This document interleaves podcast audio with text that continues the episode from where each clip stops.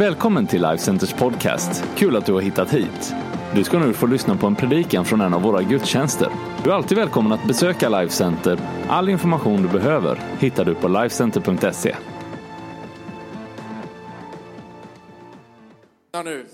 Mina vänner, eh, innan jag då predikar så finns det ett kort på era stolar som har med vårt tema i år att göra. Eh, det som är eh, Just Watch Me-temat. På baksidan på den här så står det min bön för 2019. Och jag skulle önska att du under det att jag predikar för dig idag, läser Bibeln med dig och vi, vi eh, inspireras och uppmuntras, ber inom dig för vad Gud lägger på ditt liv för det här året som ligger framöver. Kanske är det något stort bön, kanske är det flera bönämnen. Skriv ner det. Vi har en bönevägg här i Västerås. Jag vet inte hur vi löser det i Ludvika och i Linköping, vi kommer att lösa det. Där du kan ta den här lappen och du kan liksom, du behöver inte skriva ditt namn på den, du kan skriva bönämnet och så bara tryck dit den med någon nål eller med något sätt eller tejpa upp den. Det finns säkert ett sätt att göra det. Men så ska vi be för det här under det här året och vi ska se genombrott. Du tar också en extra lapp om du vill. Och så tar du med den hem. Och så skriver du ditt bönämne hemma och så hänger du upp den på kylen. Va? Och då kan du hänga den här framsidan framåt så att liksom, även om du har gäster hemma, du kan skriva vilket bönämne du vill. Va? För att eh, då måste de ju, du kan vara lite anonym där. Va? Men du vet ju vad du skriver på lappen. Och så ber vi för det här. Och vi tror att Gud ska komma med genombrott i ditt liv för det du längtar efter. Bön flyttar på berg, bön förändrar saker. Be alltid, be alltid. Ständig bön. Det är inte bara bönesamling utan det är bön. Vi lever ett liv av bön där vi ropar till Gud hela tiden. Så etablera det i ditt liv och varför inte resa det bönealtaret från första början. Så be, skriv ner, håll ut, håll fast och så ska vi se genombrott. Är det här bra eller? Så ta med den här hem och eh, låt Gud bara tala till dig under den här helgen och den närmaste tiden framöver. Vi ska läsa tillsammans ifrån eh, Hebreerbrevets tolfte kapitel. Och jag hämtar texten till det som är årets visionspredikan ifrån verserna 1 till 3 och vi ska läsa de första verserna där. Ehm, vi läser tillsammans. När vi alltså har en så stor sky av vittnen omkring oss, låt oss då lägga bort allt som tynger och särskilt synden som snärjer oss så hårt och löpa uthålligt i det lopp som vi har framför oss. Och låt oss ha blicken fäst vid Jesus, trons upphovsman och fullkomnare. Om du läser vidare så står det faktiskt att han istället för den glädje som låg framför honom utstod korsets lidande utan att bry sig om skammen och som nu sitter på högra sidan om Guds tron. Tänk på honom som måste utsäda sådan fiendskap från syndare, annars tröttnar ni och tappar modet. Där har du liksom lite slutklämmen på predikan redan där. Va? Så det finns viktiga tankar och viktiga sanningar som ska hjälpa dig Eh, att leva ett övervinnande liv. Jag vill tala om tro idag, vill tala om vision idag, vill tala om seger idag. Ikväll i predikan så kommer jag att predika om just vision, alltså the power of vision, kraften i en vision. Att det inte bara handlar om att drömma, utan du ska ner i backen så att någonting kan hända i ditt liv. Jag har varit med om en fantastisk eh, eh, tid i Life Center de senaste två veckorna. Vi har haft eh, en serie som vi har predikat på söndagarna, ämnen som vi har berört som har psykisk hälsa och mental hälsa och inre hälsa. Det är som en själslig hälsa. Fantastiska talare som finns i vår gemenskap, gäster som har kommit hit som vill betjäna vår kyrka, komma tillbaka, vara resurser för oss. Vi älskar det här. Och jag älskar människor som jobbar med det inre livet utifrån bibliska principer och aspekter. Eh, och det här är viktigt för mig därför att när jag då läser min bibel och när jag förstår eh, så är det så här att vi kan ha drömmar. Men det är en dröm som leder till en bestämd tanke som får dig från soffan ut i det som är någon form av verklighet. Vi kan alla drömmar. Men vad är det som får drömmen att inte bara vara liksom en själslig inre liksom känsla av värme, men någonting som blir action i ditt liv. En vision som du ber över kan ju bli disciplinerad i ett tänkande som du, när du sen sätter en strategi eller en actionplan till den, faktiskt kan förverkligas. Det är inte så att vi har en vision va?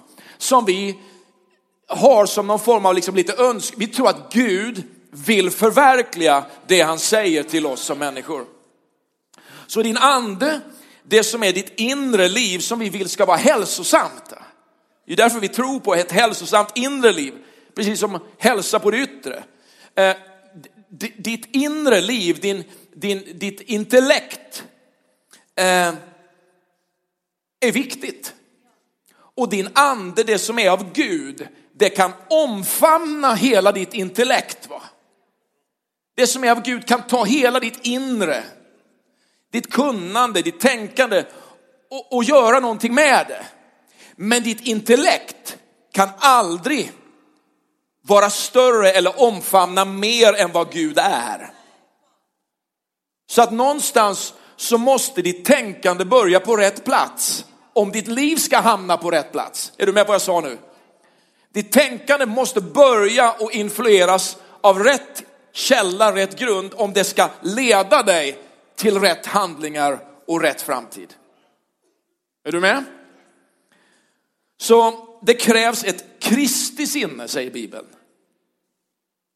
Ett Kristi sinne, ett tänkande som Jesus ger dig för att du ska kunna nå bortom det som är det naturliga, bortom det som är det du ser, bortom det som du möter idag, så, så finns det ett tänkande från Jesus som kan omfamna hela din inre värld. Alla dina drömmar, alla dina tankar, alla dina omöjliga, ah, det kan vara större än det. Vi har Kristi sinne, säger Bibeln. Så vi kan tänka Kristi tankar och det kan skjuta dig långt bortom det du kan tänka i egen kraft. Framförallt kan det skjuta dig in i Guds framtid så att du kan förverkliga dina drömmar. Han har högre tankar för oss, säger Bibeln. Och det här kallas för ett liv av tro. Som tonåring så hade jag min personliga encounter med Jesus. Det var en sommarvecka 1980 som jag insåg att min synd och mina försök att vara bra, att vara bra nog, det räckte inte. Och jag behövde en frälsare och mer än någonting så behövde jag uppleva hur Guds nåd var mer än det som jag egentligen trodde att jag behövde. Någonting som räcker och som gäller faktiskt för mig än idag. Det här är ju långt över, ja, det är snart faktiskt, ja inte 40 år än snart, men snart är det det. Eh, och jag kapitulerade och förstod omedelbart att Jesus hade ett uppdrag för mig. Och eh, eh det handlar om att andra människor skulle uppleva vem Jesus var, det uppdraget. Och ganska dramatiskt på ett sätt, lite svartvitt skulle jag säga, därför att jag tror och är övertygad om att människor utan Jesus är förlorade. Men med Jesus så händer någonting. Jag kan inte påminna mig en enda gång att jag egentligen tänkte på att kyrkan skulle vara på ett annat sätt. Jag, jag kan faktiskt inte tänka eller minnas att jag funderade så mycket på kyrkans stil eller kyrkans form eller vilka låtar vi sjöng eller vilka låtar vi inte sjöng. Och förpackningen och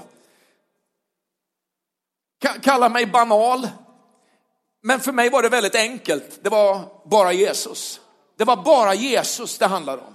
Det fanns ju liksom preferenser, saker jag gillade och saker jag inte gillade. Men jag kan inte minnas att jag reflekterade så mycket över liksom ljudvolymen i kyrkan eller eh, djupare eller mindre djup undervisning eller eh, Därför att för mig så fanns det ingen separation mellan Jesus och hans församling.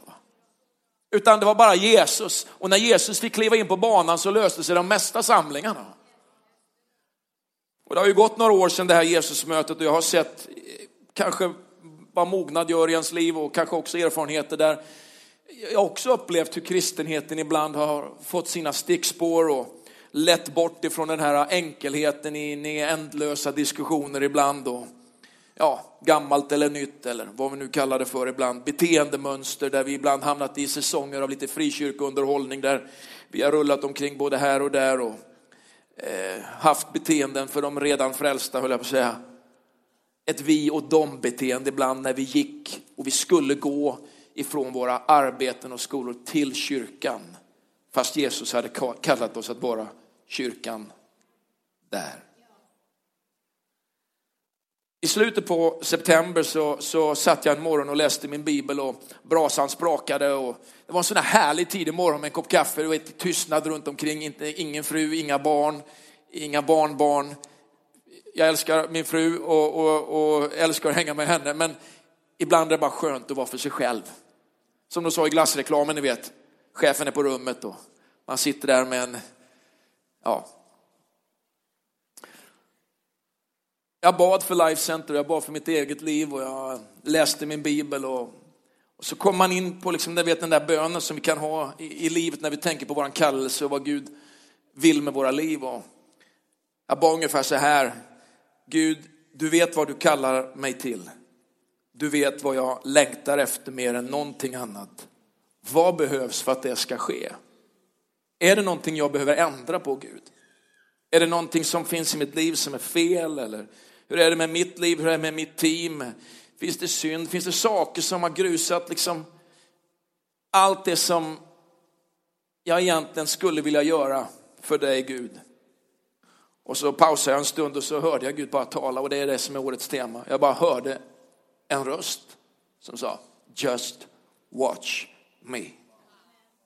Och nu, nu, nu är det märkligt att han talade på engelska i det läget. Han kunde säkert tala på både tyska och farsi. Och, och, men jag, ibland när jag funderar på det, ja, så är det ibland. Får skylla på att man lever i en liten global familj här. Jag vill blåsa på den här elden som brinner i dig och uppmuntra dig och utmana dig att lita på Jesus. Att lita på och lyfta upp honom mer än någonting annat i ditt liv. Därför att du kan inte backa undan om din tro ska bli den kraft som du behöver. Om du ska få vara med och göra det han kallat dig att göra. Ulrika hon citerade någonting som jag sa här på morgonen idag, men, och jag citerade en annan.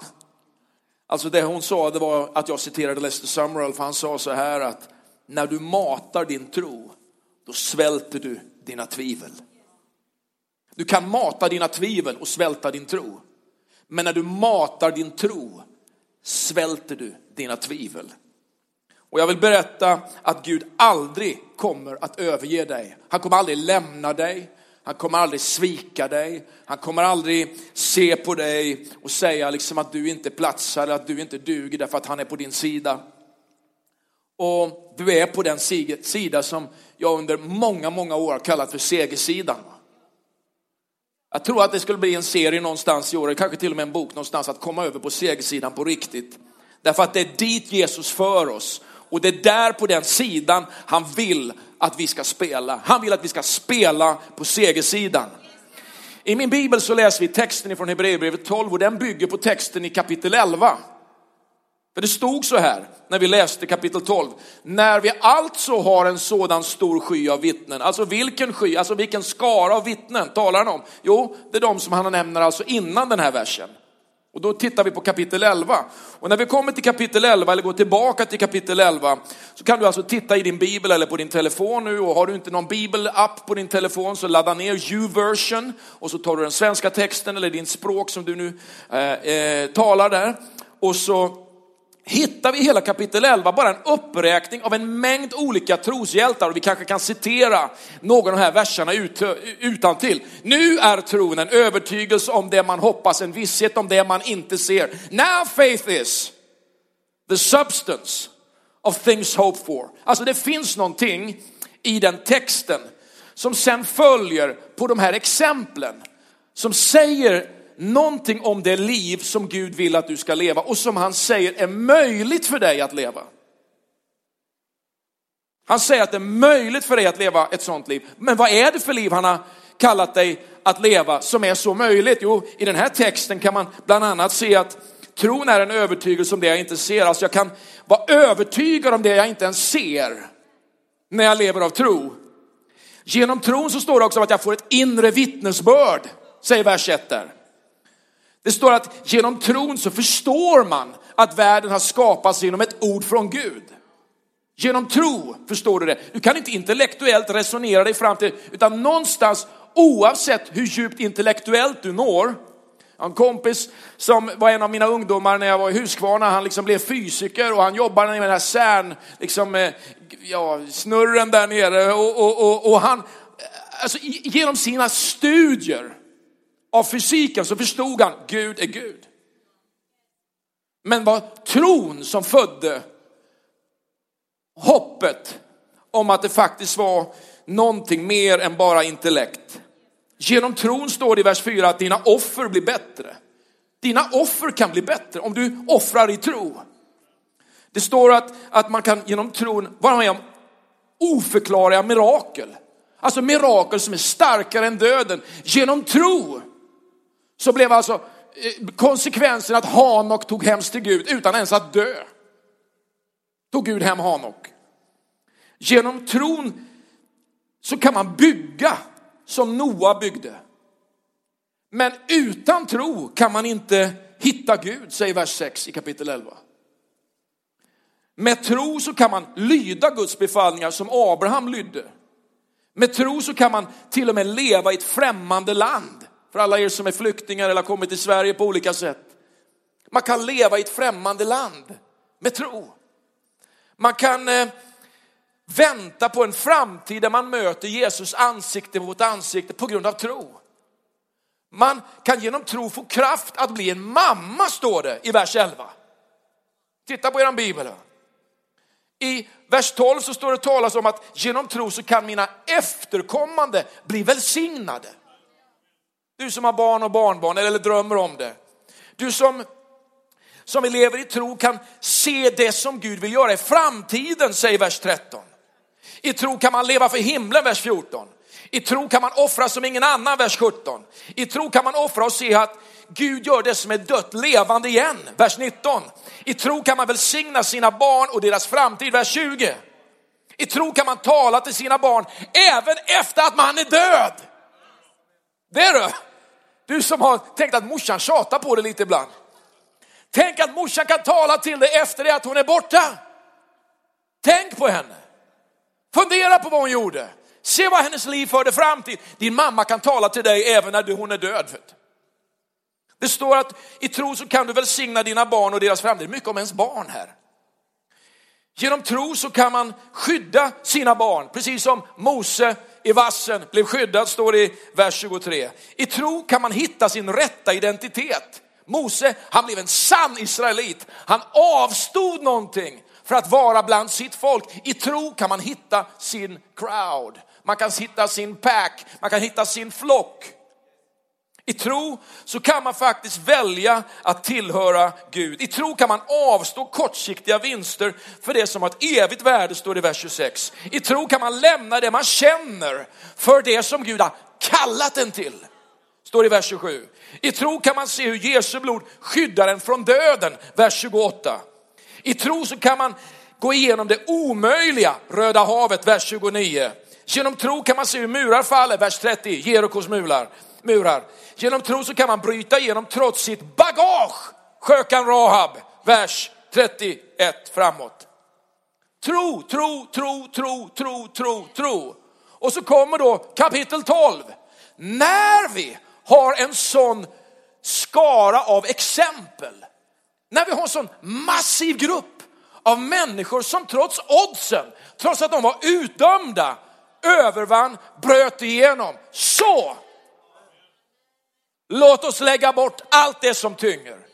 På grund av alla de här exemplen, på grund av det predikar in i ditt liv, på grund av alla exemplens makt att säga till dig, de hade en körd situation, du kanske har en körd situation, men med tro på Gud så kan du bryta igenom. Därför så ska du, pang, pang, pang, och så ska du få tre punkter idag. Du kanske tänker så här, ja men det där var då det. Det där var då det. Men du vet, Bibeln är bra, för den hjälper människor som har den frågan. För det står så här i texten i Hebreerbrevet 11, vers 40. 40, 40, 40. Lyssna här, titta här. Ty Gud har förutbestämt något bättre åt oss. Ja, men det var dem. säger de. Här talar vi till dig direkt, ja men det där är ju dem. Ja, men så säger han, Gud har förutbestämt någonting bättre åt dig. Vad då bättre? Ja, någonting till och med bättre än dem. Vad då? Jo, först tillsammans med oss ska de nå målet. Alltså målet handlade om det som skulle fullbordas genom Jesus Kristus och tillsammans med oss ska de nå det målet. Det innebär att det här gäller inte bara dem. Den seger de vinner, det de övervinner i sina liv, det gäller också dig. Och tillsammans med dig så ska de nå målet. På grund av de här exemplen på tro så kan du också leva av tro. De finns där för att berätta för dig att du kan leva ett liv i tro. Och om du ska göra det så lär Bibeln dig tre saker som du ska få här. Det första är, lägg bort det som tynger. Det stod i texten här. Låt oss då lägga bort allt som tynger och särskilt som synden som snärjer oss så hårt och löpa uthålligt i det lopp vi har framför oss och låt oss ha blicken fäst vid Jesus, trons upphovsman och fullkomnare. Vi har haft en illustration, en stor ryggsäck här, den ligger i bilen. En stor ryggsäck. Och den ryggsäcken har ett innehåll. Den heter Det var bättre förr.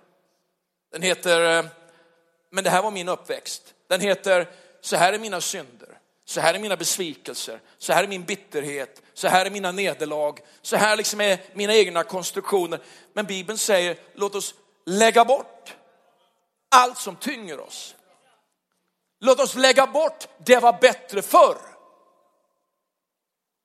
Hallå, alla ni som är 50 plus. Låt oss lägga bort. Ah, det är inte så mycket kvar nu. Lägg bort. Det är mycket kvar. Låt oss lägga bort allt det här som vi har pratat nu om de senaste veckorna. Låta Gud hela oss. Låta Gud läka oss. Ta den hjälp vi får. Det är tron på Jesus som gör dig till en övervinnare. Synden bromsar dig. Det är synden som snärjer dig. Alltså, det står egentligen i texten, det som kletar fast vid dig. Det är en ganska härlig översättning. Det som kletar fast vid dig. Precis så har jag känt det med synden i mitt liv. Det kletar fast sig. Det får mig att tappa fart och frihet på grund av ett dåligt samvete och så tänker jag, jag borde veta bättre. Det känns ibland som att jag borde veta bättre redan innan jag syndar. Oh. Du borde veta, lägg bort det som tynger. Min fråga är, är dina minnen starkare eller större än dina drömmar? Är dina minnen större än drömmarna, både det goda och det negativa? Är det större än din framtid? Att lägga bort, det betyder att klä av och sen kasta bort det som tynger. En uppmaning till en medveten handling. Att sätta upp sig som en vinnare är att tro på det Gud har gjort för mig att leva i det han gjort för mig och att agera på det han har gjort för mig. Romarbrevet 8 säger så här, vers 33, vem kan anklaga Guds utvalda? Gud är den som frikänner. Vem är det som fördömer? Kristus Jesus är den som har dött, ja än mer den som blivit uppväckt och som sitter på Guds högra sida och vädjar för oss. Vem kan skilja oss från Kristi kärlek? Nöd eller ångest, förföljelse, svält, nakenhet, fara, svärd. Det står ju skrivet för din skull dödas vi dagen lång och räknas som slaktfår. Men i allt detta vinner vi en överväldigande seger genom honom som har älskat oss. För jag visar som varken död eller liv, varken änglar eller första, varken något som nu är eller något som ska komma, varken makter, höjd eller djup eller något annat skapat ska kunna skilja oss från Guds kärlek i Kristus Jesus, vår Herre. Hallå! Lägg bort! Lägg bort! Lägg ner! Det finns inget som kan separera dig från Guds kärlek. Det är okej. Okay. Du är okej. Okay. Du är okej. Okay. Du är okej. Religionen talar om frälsningen som att du ska förtjäna någonting. Men Jesus, bara Jesus ger oss frihet. Det är bara Jesus. Det är bara Jesus, alltid Jesus, bara Jesus. Och jag hoppas på en riktig Jesusrevolution. Va? En riktig Jesus-tid liksom, för oss som människor. Det är bara Jesus som kan få din kompis från droger i det långa loppet. Det är bara Jesus som kan få dig att tänka på rätt sätt i det långa loppet. Ta all hjälp du får, men det är bara Jesus som kan förvandla ditt liv. Låt ingen demon, ingen falsk förkunnare stjäla din seger. Det är bara Jesus som ger dig verklig frihet. Amen. Nummer två, ge aldrig upp. Jag hade hängt ett par löpardojor på halsen här, men de skulle sitta på foten egentligen. Run your race. Vi lever för att Guds vilja ska ske på den här jorden. Kommer du inte ihåg vad vi ber? Ske din vilja i himlen så på jorden. Alltså, vi lever för att hans vilja ska ske i våra liv, genom våra liv. Amen. Jag har alltid gillat sport och så här, men särskilt det som har lite så här uthållighetsperspektiv eh, över sig. Va? Liksom, eh, jag tycker det är spännande liksom med en fem mil. Va? Lite så här, ungefär som jag tittar på film. Min, min dotter Victoria hon tycker det är så långa, långsamma filmer. Va?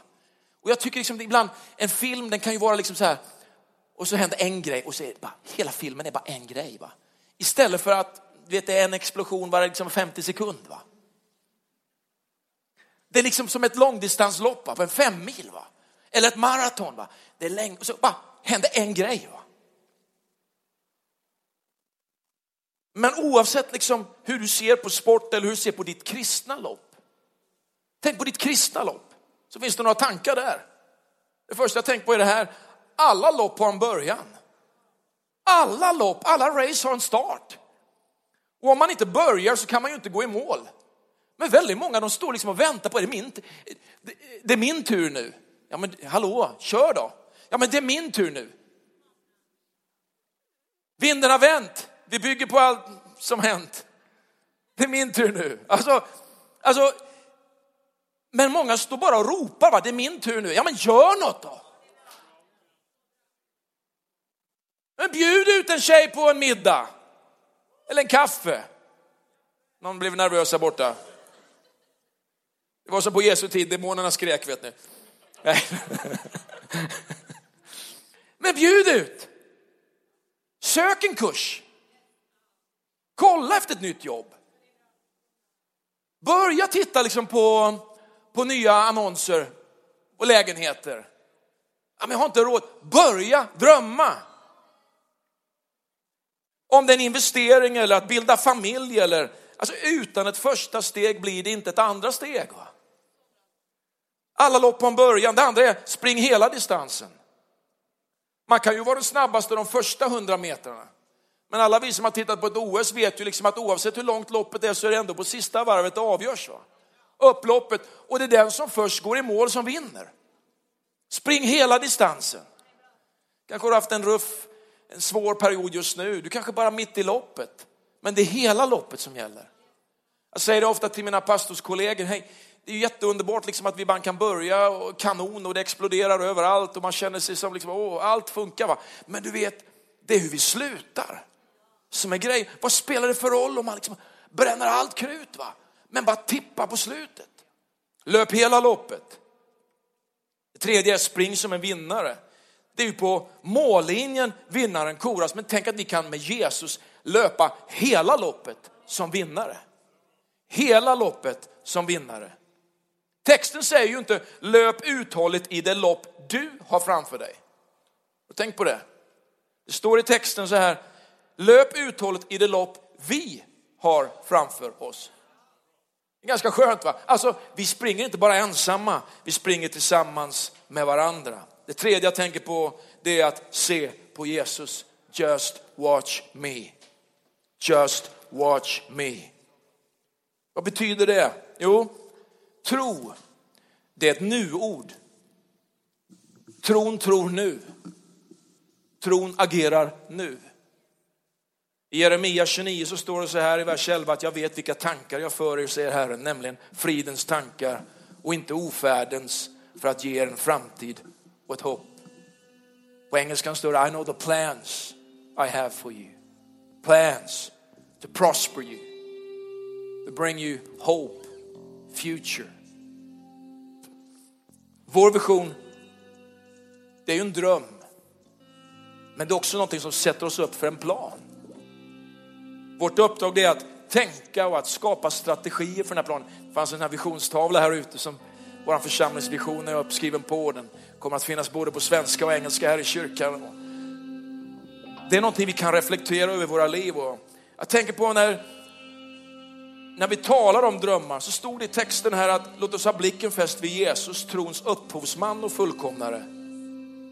I Matteus 17 så står det om lärjungarna att när de lyfte blicken så såg de ingen annan än Jesus. De såg bara Jesus. Tänk på ditt liv och din framtid och dina drömmar. När du lyfter blicken, vad är det du ser då? Är det omöjligheten eller ser du Jesus i din situation? Vet, vår vision handlar om skaror av människor som upplever livsförvandlingen, kyrka som attraherar och samlar de brustna och förlorade. Och de som aldrig trott att de behövt en frälsare. Jag tycker vi passar in det ganska bra allihopa. En kyrka som utrustar, multiplicerar och frigör lärjungar och ledare. En kyrka stark och stor, synlig och hörd i staden, det är det vi vill. Som expanderar och har ett inflytande i världen, inte bara liksom som en liten pseudoföreteelse någonstans. En kyrka fylld med efterföljare till Jesus, det är Jesus vi följer. Kärv i tro, som genuint bryr sig om människor. Relevant i det sätt den kommunicerar evangeliet till sin generation. Hur ser det ut nästa generation? Ja, det måste ju vara relevant för den generationen. En kyrka med Jesus och hans ord i centrum. Hans ord i centrum.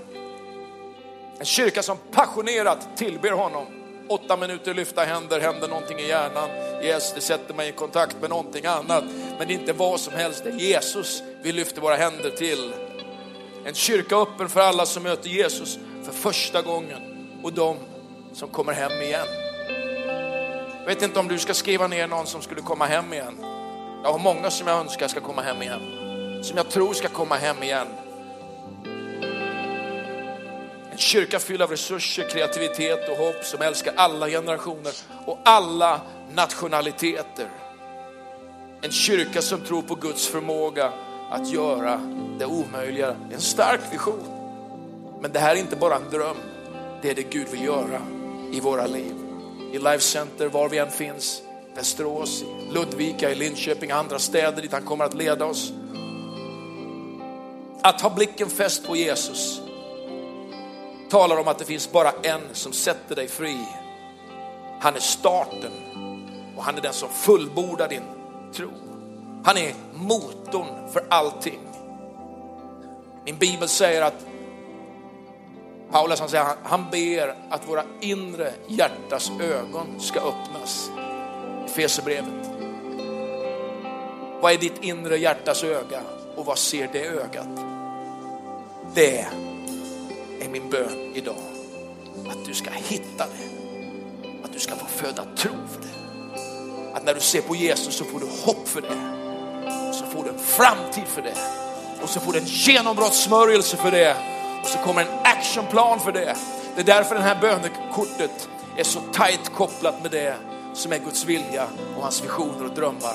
Kanske har du en bön för ditt företag, kanske har du en bön för din arbetsplats, en för din släkt, en för din mamma, en för dina barn, någonting för din framtid, någonting för det som du handlar, som hela ditt liv handlar om. Skriv ner det och låt Herren få röra vid det. Låt Gud beröra ditt liv. Ska vi ställa oss upp allesammans? Det här är min inbjudan idag och det är den inbjudan som jag gör idag.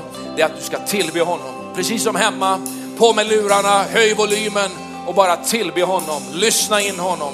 Profetera över dina döda ben och dröm nya drömmar tillsammans med Gud. Lita på att det Gud har sagt. Lita på att det är hans vision som för dig från punkt A till punkt B. Det är hans drömmar, det är hans tankar som för dig från punkt A till punkt B och sätt en tillit till det och lita på honom. Jesus är den som har börjat någonting i ditt liv och Jesus är den som fullbordar det i ditt liv. Ska du göra så att du bara lyfter upp din bönelapp här nu så ska vi be för den. Du kanske inte har skrivit någonting på den än. Men den finns i ditt hjärta just nu. Ska du bara lyfta upp ditt bönekort just nu. Lyfter på alla våra locations här just nu. Får jag tacka dig Jesus För att det du har kallat oss till, det kommer du att slutföra, Herre. Herre, du vet vilka drömmar, vilka tankar som finns i våra hjärtan, Gud. Jag tackar dig, Gud, för varje människa som ska bli frälst 2019, Herre. Jag tackar dig för alla som kommer att komma hem på nytt, Jesus. Herre, vi tackar dig för barn, för bönebarn, för släktingar, Jesus. Vi tackar dig för arbetsplatser som kommer att bli förvandlade. Skolklasser som kommer att uppleva Jesus, Herre. Vi tackar dig för nya relationer, Herre. För stora visioner och stora drömmar, Jesus. Jag tackar dig, Jesus, för att du hör allt och att du gör under. I Jesu namn. Amen.